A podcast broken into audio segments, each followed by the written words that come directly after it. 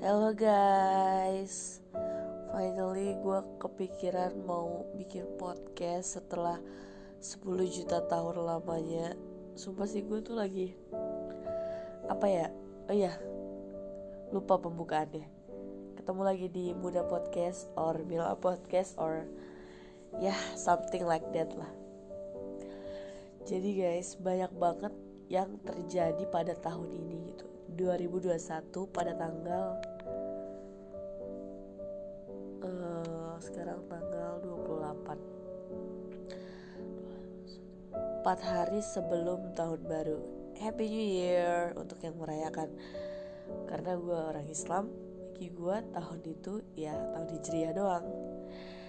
Jadi banyak banget hal yang terjadi di tahun ini yang sebenarnya tahun di mana kita tuh nggak ada yang nyangka sih. Maksudnya uh, dalam arti gini ya.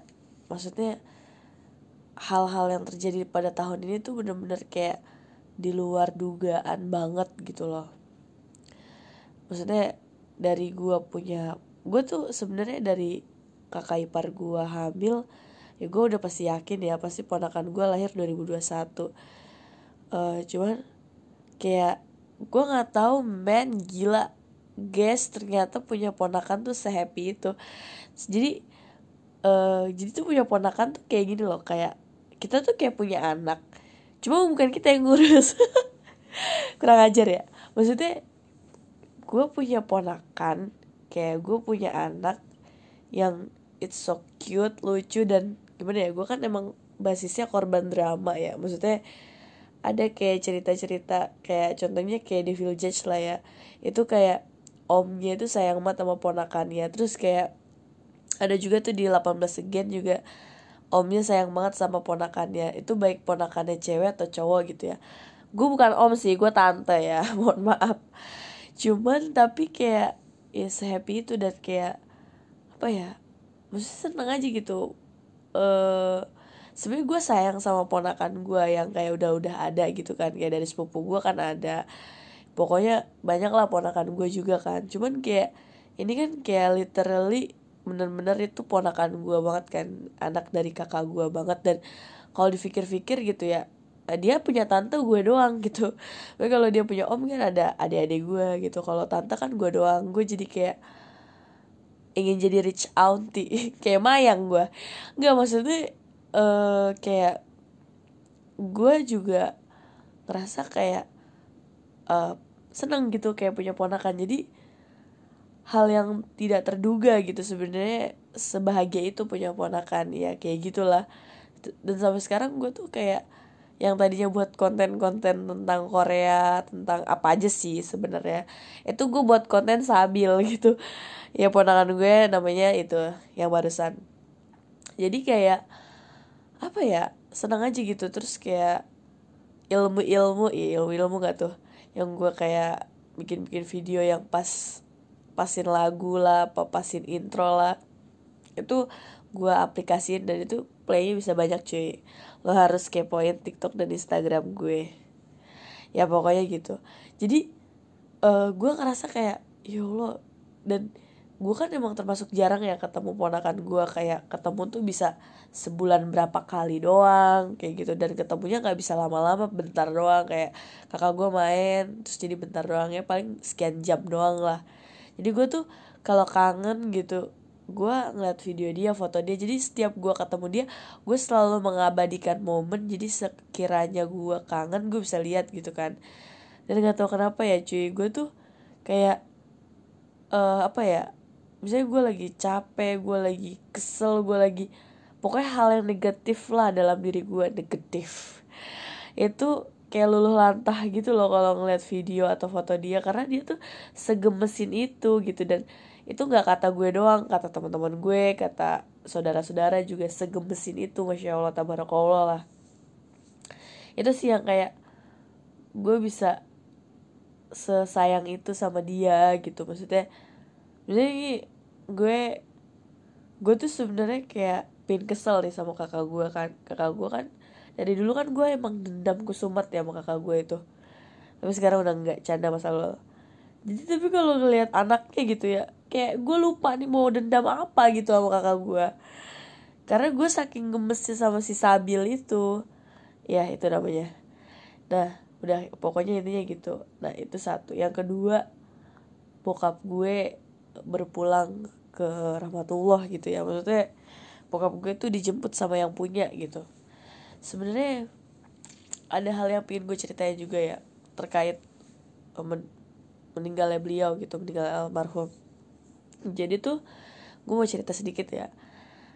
Itu tuh kejadiannya sebenarnya kayak uh, gimana ya gue ceritain ya gue tuh keluarga gue itu termasuk orang yang optimis gitu ya. Maksudnya dalam arti nyokap gue juga kalau secara finansial juga dia all out banget buat bokap gue gue tahu banget gitu pengorbanan dia bawa bokap gue ke beberapa rumah sakit ke alternatif gitu ya. Maksudnya kita juga di rumah juga kerjasama untuk bantuin bokap gue gitu.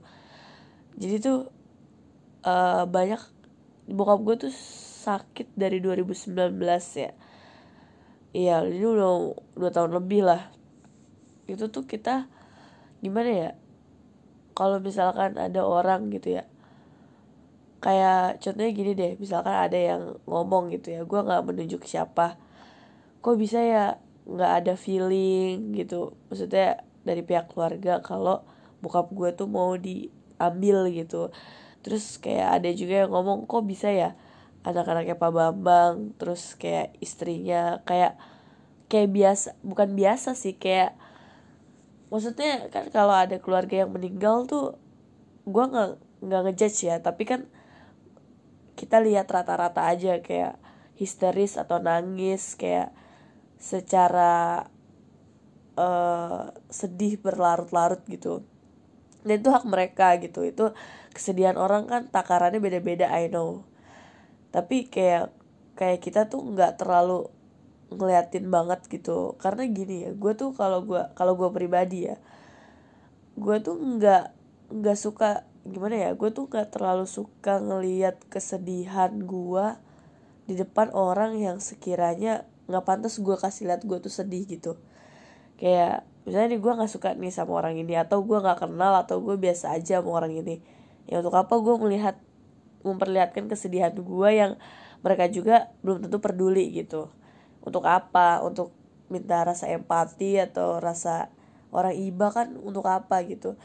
Gue cuman minta doanya aja gitu kan. Maksudnya kalau mereka berkenan minta doanya aja. Kalau gue sih lebih pribadi kayak gitu ya.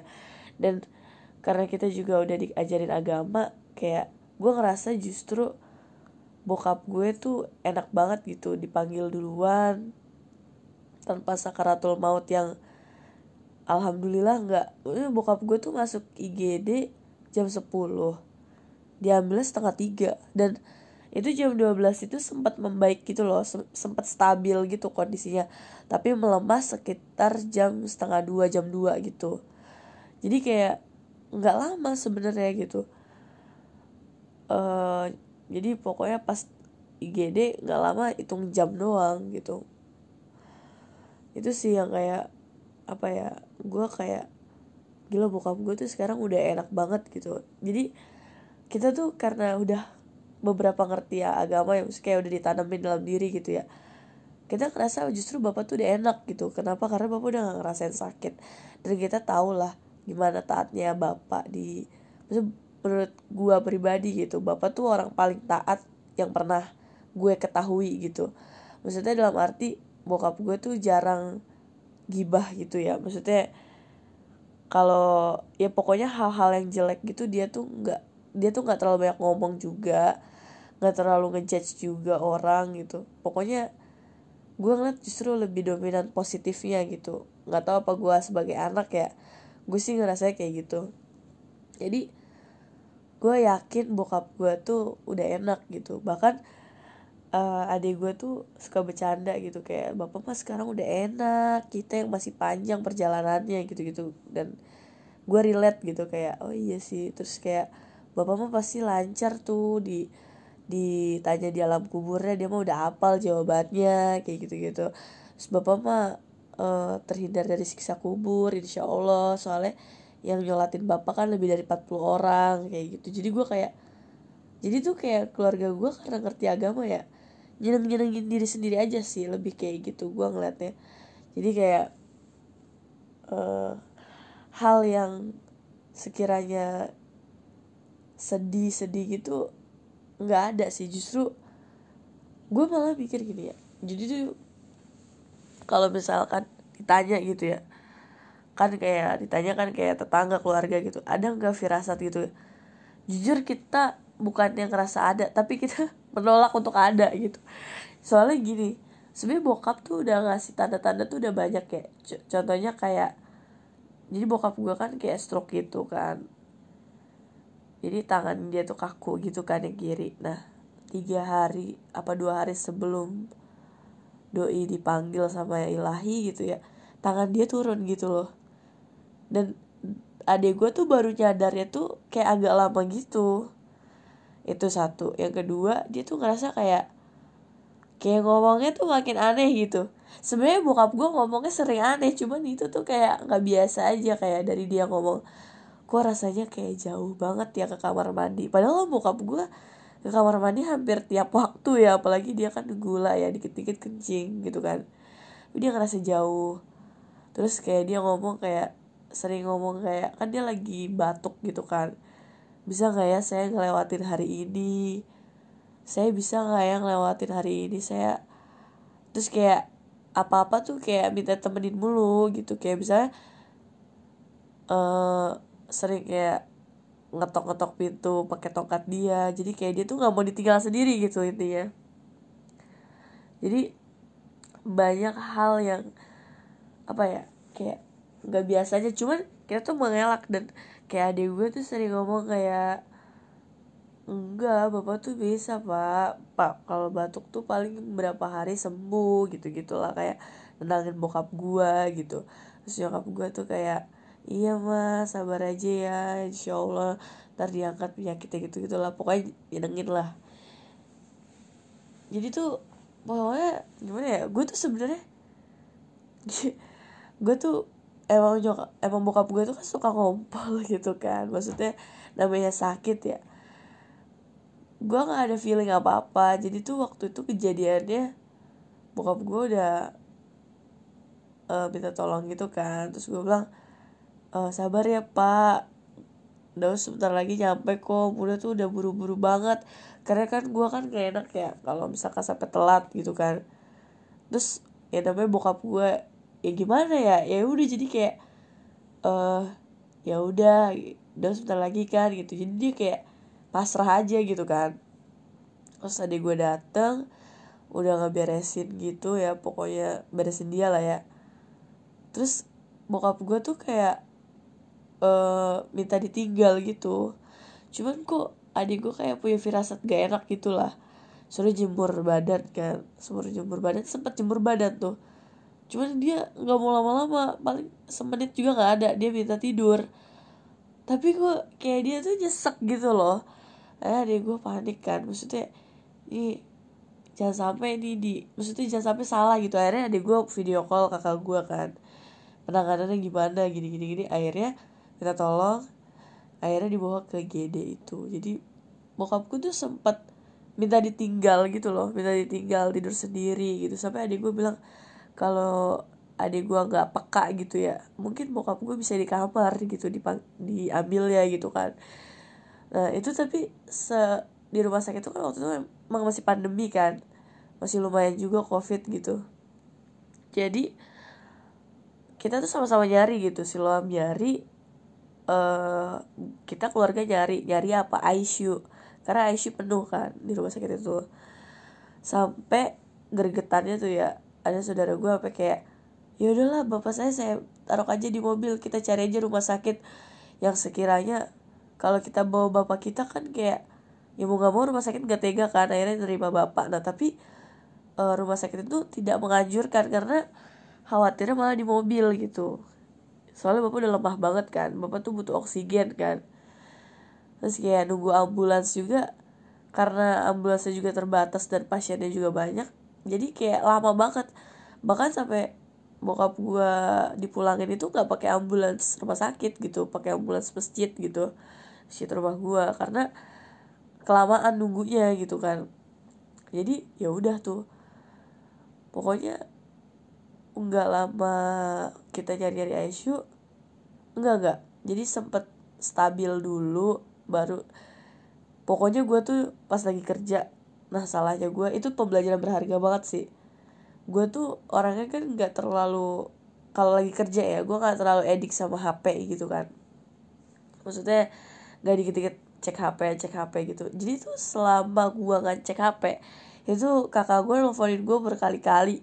Kayak eh kakak gue apa ibu gue gitu ya. Pokoknya nelfon berkali-kali nyuruh gue pulang. Terus gue kayak kaget gitu kan. Sebenarnya gimana ya? Sebenarnya gue tuh kayak sering gitu loh ngalamin feeling-feeling yang gak enak kalau setiap gue ke kantor gitu.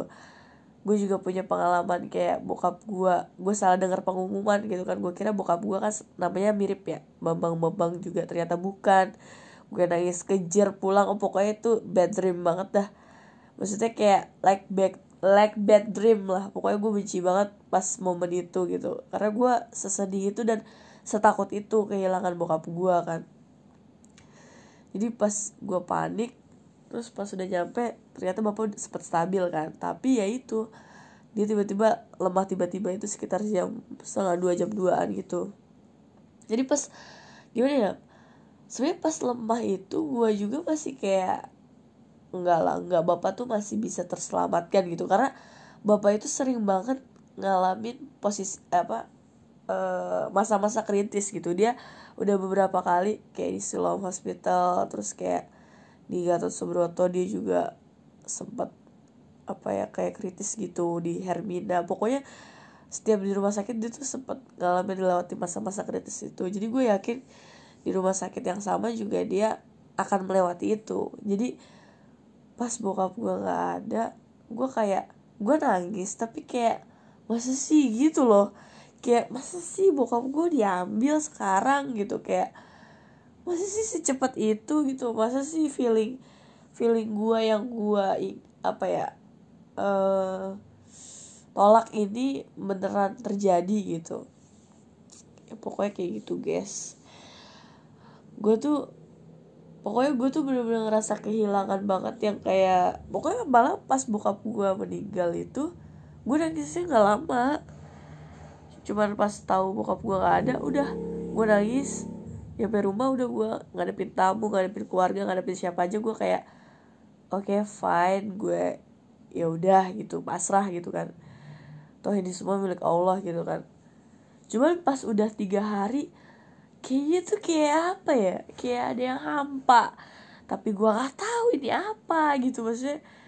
Dan gue tuh kayak baru sadar gitu kayak apa yang gua dapetin dulu dari bokap gua itu nggak akan dapet nggak akan gua dapetin lagi gitu dari siapa pun gitu. Maksudnya gua saudara gua nyokap gua sayangnya pasti sama sama bokap gue cuman kayak gue juga pernah cerita kan jadi bokap gue itu sering banget ngebela gue di saat gue tuh kayak di intimidasi lah istilahnya. Misalkan lagi konflik nih di keluarga gue terus kayak uh, bokap gue tuh kayak ngasih tahu gue tuh pelan-pelan gitu. Kayak misalkan yang lain pada ngomelin gue dia tuh bisa ngasih tahu gue dengan lemah lembut gitu lah. Kayak misalkan nih kakak gue apa yang diomongin kakak gue benar tapi kan cara penyampaiannya salah dan dia yang ngejelasin kayak gitu. Kayak lebih ke kayak gitu sih. Kayak misalkan nyokap gue marah-marah nanti dia yang ngejelasin kenapa nyokap gue marah-marah kayak gitu. Itu sih yang ngebuat gue kayak berkesan banget dan membekas banget sampai sekarang. Dan ya bokap gue itu bukan apa ya bukan bapak dari saudara-saudara gue dan dari gue bokap gue tuh guru jadi dia anaknya banyak. Dia juga dosen jadi mahasiswanya juga anak-anaknya dia kan. Itu sih yang gue kayak berkesan banget dan bapak tuh termasuk uh, tokoh masyarakat juga di lingkungannya gitu ya. Kayak gitulah pokoknya. Nah dan yang ketiga ini adalah hal yang ya bisnis kecil-kecilan gitulah. Sebenarnya ini tuh bisnis ini udah lama dicetuskan anjay sama kakak gue. Cuman ya, gue juga pernah cerita juga tuh di sosmed gue. Cuma nyokap gue nggak merestui karena kayak kayak masa anak gue udah gue kuliah sampai satu masa ujung-ujungnya jualan jualan doang gitu pedagang gitu. Nyokap gue tuh maunya gue tuh sesuai kuliah atau enggak minimal kerja di kantor lah. Ya pokoknya yang standarnya dia lah ya. Jadi dia tuh kayak agak gimana gitu kalau gue dagang gitu ya. Nah setelah itu yang mau mencetuskan itu adik gue. Gue pertama bantu jual-jualin. Cuman kata gue ngapain gue bantu jual-jualin doang ya? Gue all out aja gitu gue bisa ngedit video dikit-dikit kan lewat TikTok. Kan TikTok fiturnya juga udah enak IG reels gitu-gitu kan. Terus kayak gue gue all out aja kan. Gue promosi gue edit gue gue edit vid video foto yang terus kayak testimoni. Itu tuh gue pelajari juga dari pekerjaan gue sebelumnya gitu ya. Itu sih yang kayak itu kayak anjir eh, sorry guys. Kayak gak disangka-sangka gitu. Soalnya kan adek gue tuh maunya mulai bisnis kayak gitu tuh kalau misalkan bapak tuh udah mandiri udah kayak gimana gimana gitulah. Pokoknya intinya kayak gitu. Jadi kita juga mulai bisnis gak langsung gitu loh. Karena kan masih berkabung juga kan. Jadi ibu bilang juga katanya ngelewatin dulu masa berkabung ya bapak kan. Dan gimana ya sebenarnya gue juga nggak tahu sih apa apa setelah ini gitu ya. Maksudnya kalau dibilang apa impian kamu apa wish kamu di tahun depan apa waktu 2020 gue tuh sampai ya nggak tahu ya apa gue korban TikTok atau gimana gue sampai ngomong gue udah pasrah lah apa yang akan terjadi di 2021 gue udah nggak mau menggantungkan harapan gue ke manusia. Gue udah nggak mau berharap lagi sama apa pun yang maksudnya gue tetap berusaha yang terbaik buat diri gue tapi gue tuh nggak mau menggantungkan sesuatu pada orang pada objek pada apa pun gitu. Jadi apa pun yang terjadi ya udah gitu gue pasrah gitu. Gue lebih ke kayak gitu dan lebih lega aja sih sebenarnya kayak gitu. Jadi kalau 2022 wis lo apa? Uh, kalau gue boleh jujur gak sama kayak dulu. Wis gue ya pasti gue pengen merit lah ya. Karena kan itu udah usia matang juga ya tahun depan. Matang gak tuh? Maksudnya uh, dan gimana ya? Gue juga sempet bahas tapi diri gue sendiri doang ya tahu. Kalian boleh denger guys. Suara gue kan lama-lama bindeng gitu ya. Jadi alasan gue kenapa gue mau merit dan memilih untuk berumah tangga itu bukan gue nggak mau bilang kayak gue nggak mau bilang kayak ah, lu bilang kayak gitu biar kekinian. Enggak gue bukan mau berlomba misalkan temen deket gue pada nikah atau misalkan apa pun lah ya alasannya gitu ya. Atau kayak udah matang agama gitu. No I'm not. Tapi ngeliat anak kecil. Jadi gue tuh dan kayak ternyata nggak gue doang kayak gitu. Tom Holland. Bener gak tuh? Yang jadi Spider-Man Homecoming gitu. Dia bilang dia tuh kan katanya mau pensiun kan Gak gue gak terinspirasi dari dia. Cuman pas dia ngomong kayak gitu Gue langsung inget Iya gue juga kayak gitu mikirnya. Jadi dia tuh pengen pensiun Karena dia itu pengen nikah muda. Dia ingin berubah tangga dan dia ngerasa dia udah cukup lah effort dia selama dia berkarir kayak gitu. Kalau gue sih gak ngerasa cukup ya untuk berkarir. Cuman gue ngerasa kenapa gue pengen beret uh, karena kan gue yakin ya gue masih yakin gitu di umur gue yang matang tahun depan gue bisa cepet punya anak punya baby. Ini soto hebat gue cuman gue masih berharap boleh lah ya manusia berharap. Kenapa? Karena menurut gue punya anak tuh menyenangkan gitu. Maksudnya kayak kayak misalnya ada yang bilang kan ya udah punya anak aja gak usah punya suami. Ada yang kayak gitu kan mikirnya se ekstrim itu. Cuman gue nggak seberani itu maksudnya ya kalau gue punya anak ya gue punya lakinya lah. Masa gue ngangkat anak ya ngapain gitu. Tapi ya kalau gue rezekinya banyak ya ya why not gitu. Cuman kayak gue pengen punya anak gue sendiri yang gue asuh yang ya, jadi gue belajar jadi seorang ibu seutuhnya. Itu ya yang bikin gue tuh mau berumah tangga sumpah. Jadi gue pengen punya baby yang gemesin. Ya sebenarnya apa pun terlahirnya gue bakal sayang banget sama dia gitu selayaknya ibu ke anaknya gitu. Lebih ke kayak gitu sih kenapa gue lebih milih Merit tuh alasannya karena itu. Cuma dia tetap balik lagi ya. Kita harus benerin niat kita dulu bahwa nikah itu sejatinya ibadah menyempurnakan agama ya gak ya kan? Ya dong. Oke okay, guys. Itu aja kali ya dari gue.